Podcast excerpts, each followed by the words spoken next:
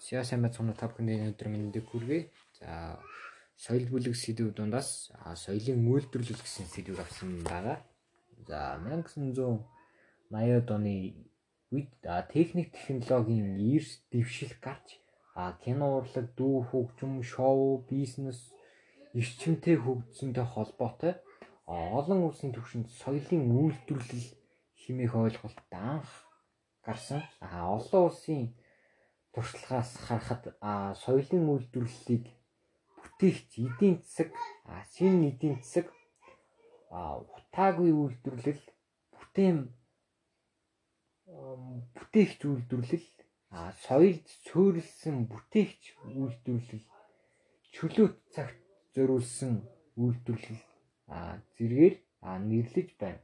Улс орнуудын үндэстний өв уламжлал ёс заншил, соёлын онцлогоо агуулсан үйлдвэрлэл үйлчилгээр бүтээж олон улсын болон үндэсний зах зээлд гарган таниулах үйл ажиллагаагаа улам өргөжж байна. Бас соёлын үйлдвэрлэлийн өргөжүүлэн түүний эдийн засаг нийгэмд оруулах бодит өгөөжийг нь хүлээн зөвшөөрөгч улам бүр дэмжин хөгжүүлэх зорилт тавин хэрэгжүүлж хэрэгжүүл байгаа. За аа соёлын үйлдвэрлэл нь хуу хүний бүтээгч сэтгэлгээ үр чадвар авиас бэлгээс их их сурвалжтай оюуны өмчөөр хамгаалагдсан соёлын агуулга бүхий бараа бүтээл үйлдвэрлэл тэдгээрийн хуваарлалт нийлүүлэлтийн тогтолцоо хангасан үйлдвэрлэлийн салбар гэлнэ. Одоо жишээ нь одоо хүмүүсийн одоо орчин цагт хүмүүсийн одоо зохиосон аппликейшн гэхэд одоо энэ бол нэг соёлд орж одоо оюуны өмчөөр хамгаалагдсан байдаг.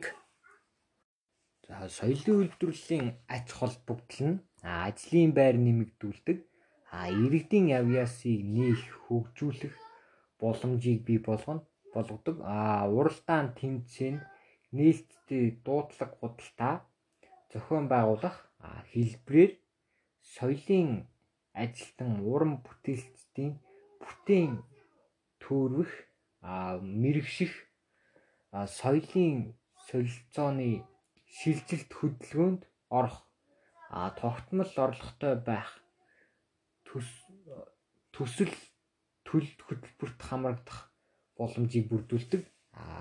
Мөн их чөлөө ардчлал, хүлээстэй байдал, харилцан хөндлөл, нийгмийн шудраг ёсны зарчим мөн цэнийг дэлгэрүүлж бэхжүүлэх боломжийг нэмэгдүүлдэг. А соёлын үйлдвэрлэл хэрэгдийн оролцоо нь нийгмийг нягтршуулж нийгмийн бүлгийн хүчрэх нийгмийн бүлгийг хүчрэхийг болгодог. А мөн улс орнууд соёл ёс заншлаар нь ялхан таниулах гол арга зам нь болдог. А тухайн соёлын бусдаас ялгарах дахин давтагдшгүй өвөрмөц шинжийг нээн илрүүлдэг. А за мөн дэлхийн нийтэд өөрсдийн брендинг бий болгож соёлын салбарын шудраг өрсөлдөөнийг дэмжих соёлын өвөө эргэлтэд оруулах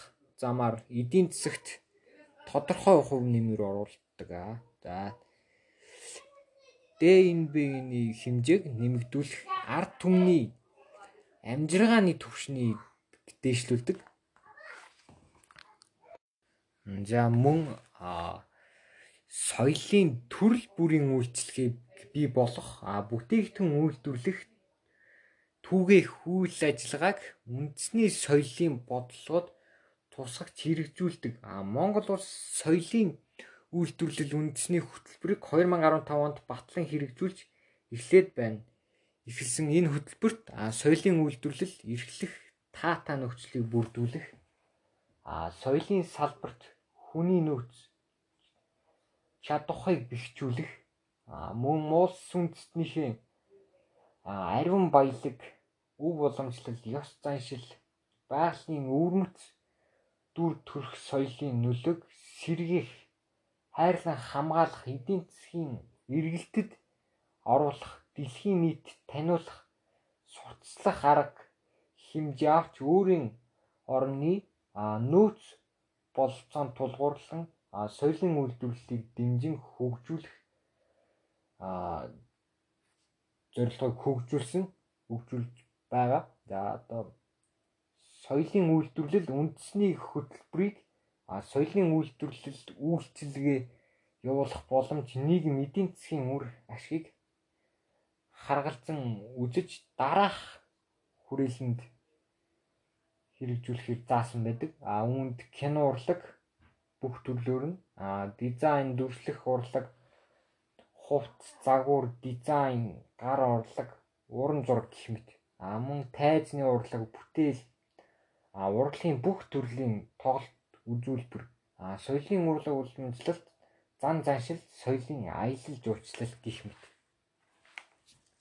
за ингэснээр одоо соёлын аялал жуулчлал гэж юу вэ гэдэг гэж гарч ирнэ. За соёлын үйлдвэрлэлийн салбарт аялал жуулчлал онцгой байр суурь эзэлдэг. А манай улсыг а зорин ирсэн зүйлчид төв үүр хангаа өмнө говь хөвсгөл аймагт голчлон очдог ирж буй жуулчид манай орны а унган байгаль нүүдэлчдийн зан заншил Чингис хааны тухай илүү их сонирхдог. А үндэсний статистикийн хорооны мэдээлж байгаагаар сүүлийн 5 жилд зөвхөн Улаанбаатар хотод аялах жуулчдын салбарт ажиллагчдын тоо жилд дунджаар 1114 мянгаар өссөн үзүүлэлттэй байдаг. За ингэснээр одоо соёлын аялал жуулчлал ямар ач холбогдолтой байдаг вэ гэж гарч ирж байна. Тэгээд соёлын аялал жуулчлал ямар ач холбогдолтой вэ гэдэг нь одоо эдийн засгийн өсөлт, нийгмийн тэгш байдлыг хангаж бие хүний хөгжөлийг дэмжих олон улсын харилцаа, харилцаа хүндэтгэл ойлголцоо инх тавинаар хэрэгцээ орших оршилтод эергээр нөлөөлнө. А түүх соёлын үнэт зүйлсийг нийтийн хүртэл болгодог. А мөн өөрийн соёлын өвмөц хэв маягийг тодруулах, бэхжүүлэх, бэхжүүлснээр тусгагддаг. А үндэсний бахархлын сэргээх соёлын дахлааг идэвхжүүлдэг. А мөн бусдын соёлд хүндэтгэлтэй хандах хүн төрөлхтний оюун ухааны ололт амжилт амжилттай танилцах, танин мэдэх арга хэрэгсэл болдог. Аа соёлын олон янз байдал баялагийг шинжийг зөв ойлгож хүлээн авах, хүндэтгэх боломжийг нь бүрдүүлдэг. Аа мөн хүн төрөлхтнийг оюун санааны болон ёс суртахууны нэгдмэл байдалд аа үрээл үрээлэн дуудах хүчин зүйлийн нэг болдог. Аа мөн хөдөө орон нутагт ажлын байрыг нэмэгдүүлснээр хот руу чиглэх хүн амын урсгалыг багасгадаг зэрэг ач холбогдолтой байдаг гэх мэтчлэн. За ингэснээр соёлын үйлдвэрлэл нь одоо соёлын аялал зүйлчлэлтэй ингэж салшгүй ингэж уялдаа холбоотой байх нэ. За ингээд миний подкастыг сонссон та бүхэнд баярлалаа. 1 1 1 1 1 1